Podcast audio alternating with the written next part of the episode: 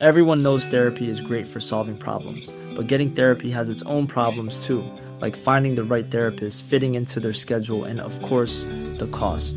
Well, BetterHelp can solve those problems. It's totally online and built around your schedule. It's surprisingly affordable too. Connect with a credentialed therapist by phone, video, or online chat, all from the comfort of your home.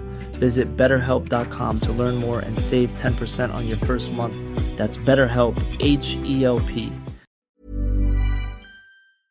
Varmt välkommen ska du vara till podden om stress och utmattning. Björn Rudman heter jag och här pratar vi brett och vitt, högt och lågt om stressrelaterad ohälsa. Både psykiskt, fysiskt och socialt. Här får du kunskap och tips på hur du kan förbättra just din situation och, och ibland också strategier för att komma framåt. Vill man få tag i mig för att boka föreläsningar till jobbet, boka in sig på onlinekurser eller kanske samtalsterapi är den klart bästa vägen att gå är att surfa in på min hemsida som kort och gott har adressen bjornrudman.se. Men nog om det nu. Nu är det dags för podd igen. Häng med så kör vi. Varmt välkommen.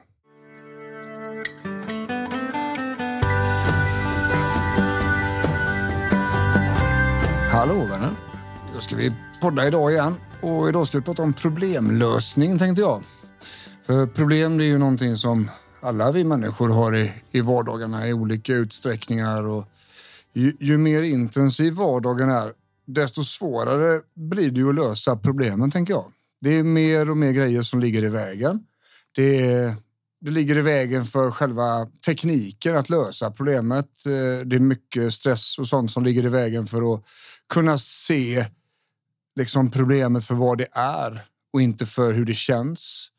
Eh, ju högre tempo man har i sig, desto svårare är det ju att ta perspektiv på saker och ting. Jag har beskrivit tidigare här i podden. Det är lite grann som att åka tåg. Va?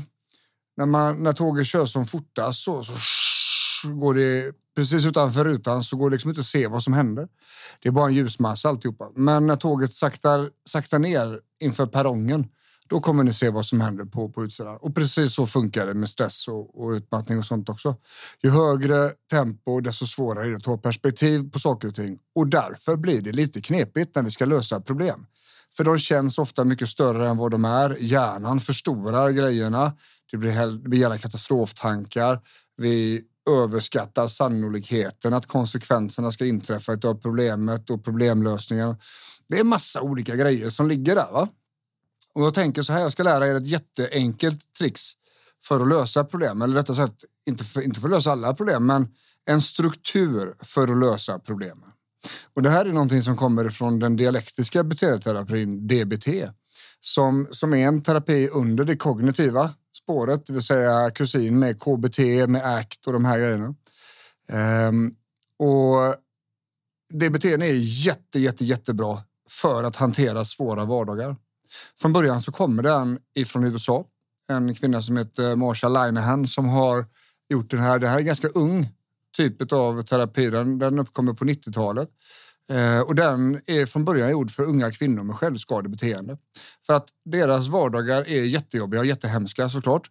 Eh, och, och man hinner liksom inte vänta på att terapin får fäste för att det ska hjälpa dem, utan man behöver ha andra typer av insatser. Det behöver direkt bli mycket enklare att hantera konflikter, relationer, kommunikation, allt det här.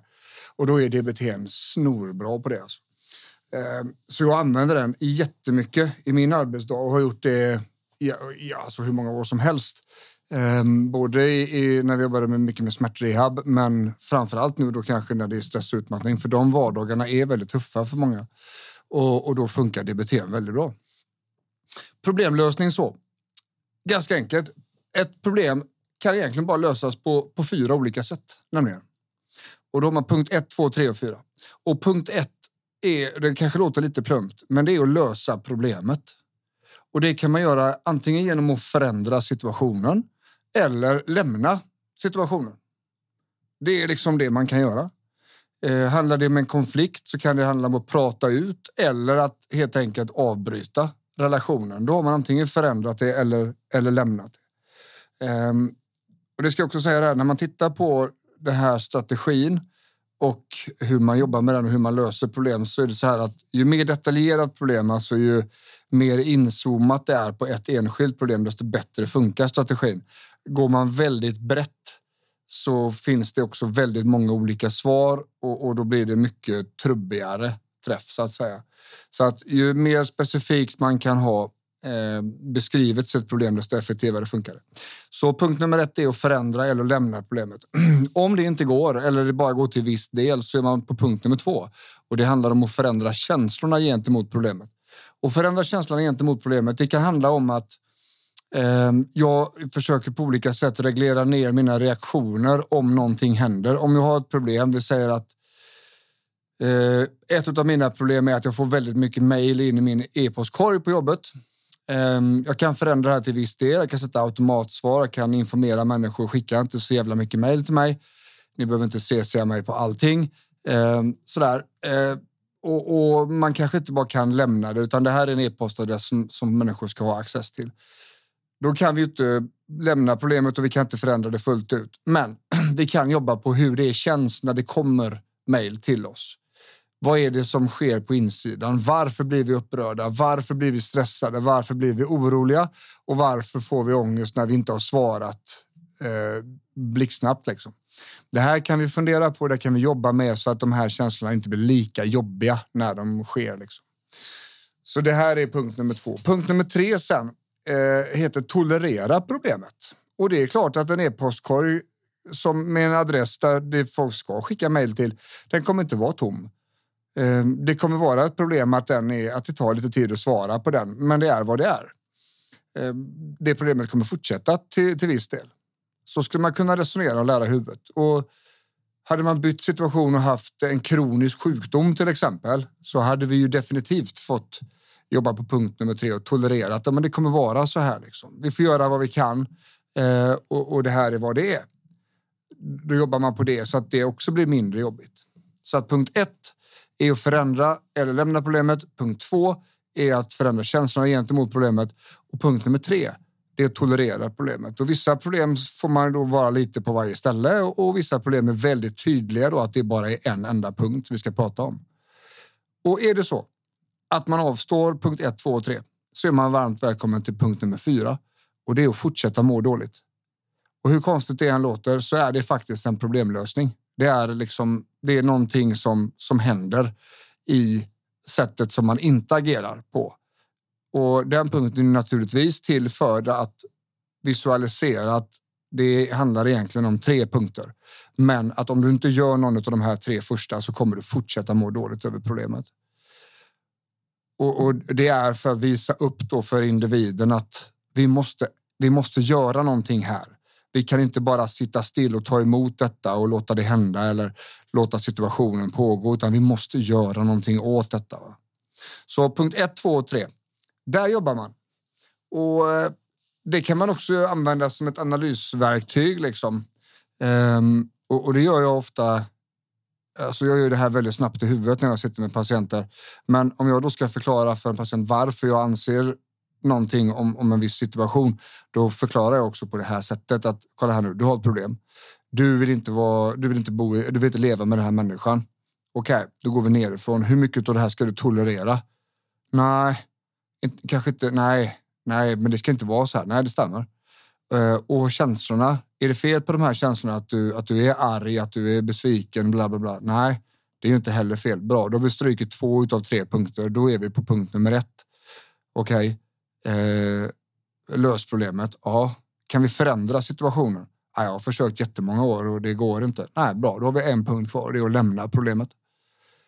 Då har vi liksom gått bakifrån där på något vis va? Och, och använt det här sättet att tänka på för att skapa en förklaring och, och, och, landa i vad man behöver göra för att lösa problematiken.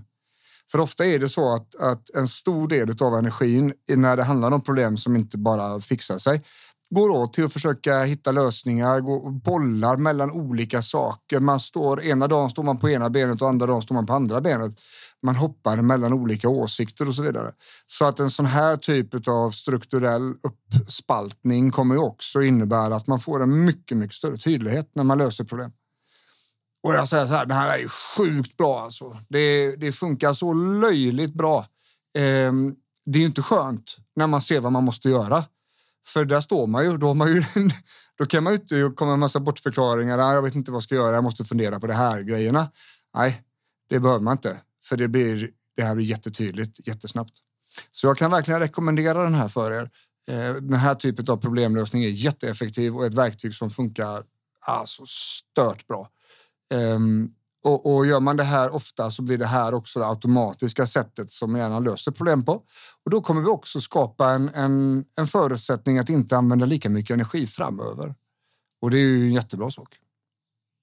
Ja, problemlösning var det jag tänkte dra lite snabbt idag. Det finns ju mycket som helst att säga om det här, men jag tänker att vi försöker ju hålla avsnitten lite korta och goa så, där, så, att, eh, så att alla kan koncentrera sig och att inte ta för mycket av er att lyssna på de här grejerna. Och på tal om det, stort tack för att ni lyssnar. Ni är över 51 000 som laddar ner det varje månad och det är, ja, det är svårt att, att, ta in den siffran. Jag tycker det är skithäftigt. Eh, och jag märker också av hur, hur både mina patienter använder det här, eh, podden som ett, som ett stöd och som en liksom, påminnelse om det vi pratar om i, i våra sittningar. Men också hur folk faktiskt får hjälp av detta och det är ju en helt fantastisk sak. För det är ju någonstans det som är mitt mål. Att hjälpa så många jag kan på, på liksom den tiden som jag har. Eh, och, och, det känns som att vi har hittat en väg här tillsammans med er. Så stort, stort tack för att ni lyssnar. Och eh, dela gärna podden vidare och glöm inte prenumerera på den på er poddspelare så, så missar ni inget. Även om man inte behöver ha koll på det sättet. Så ja, ni fattar vad jag menar. Men ni får ha det så gött så länge så hörs vi snart. Ha det bra. Hej!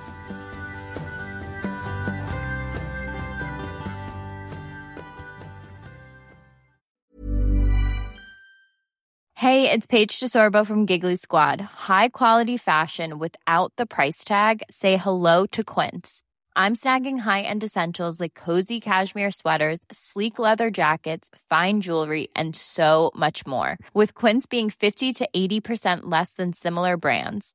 And they partner with factories that prioritize safe, ethical, and responsible manufacturing. I love that. Luxury quality within reach. Go to quince.com slash style to get free shipping and 365 day returns on your next order. Quince.com slash style.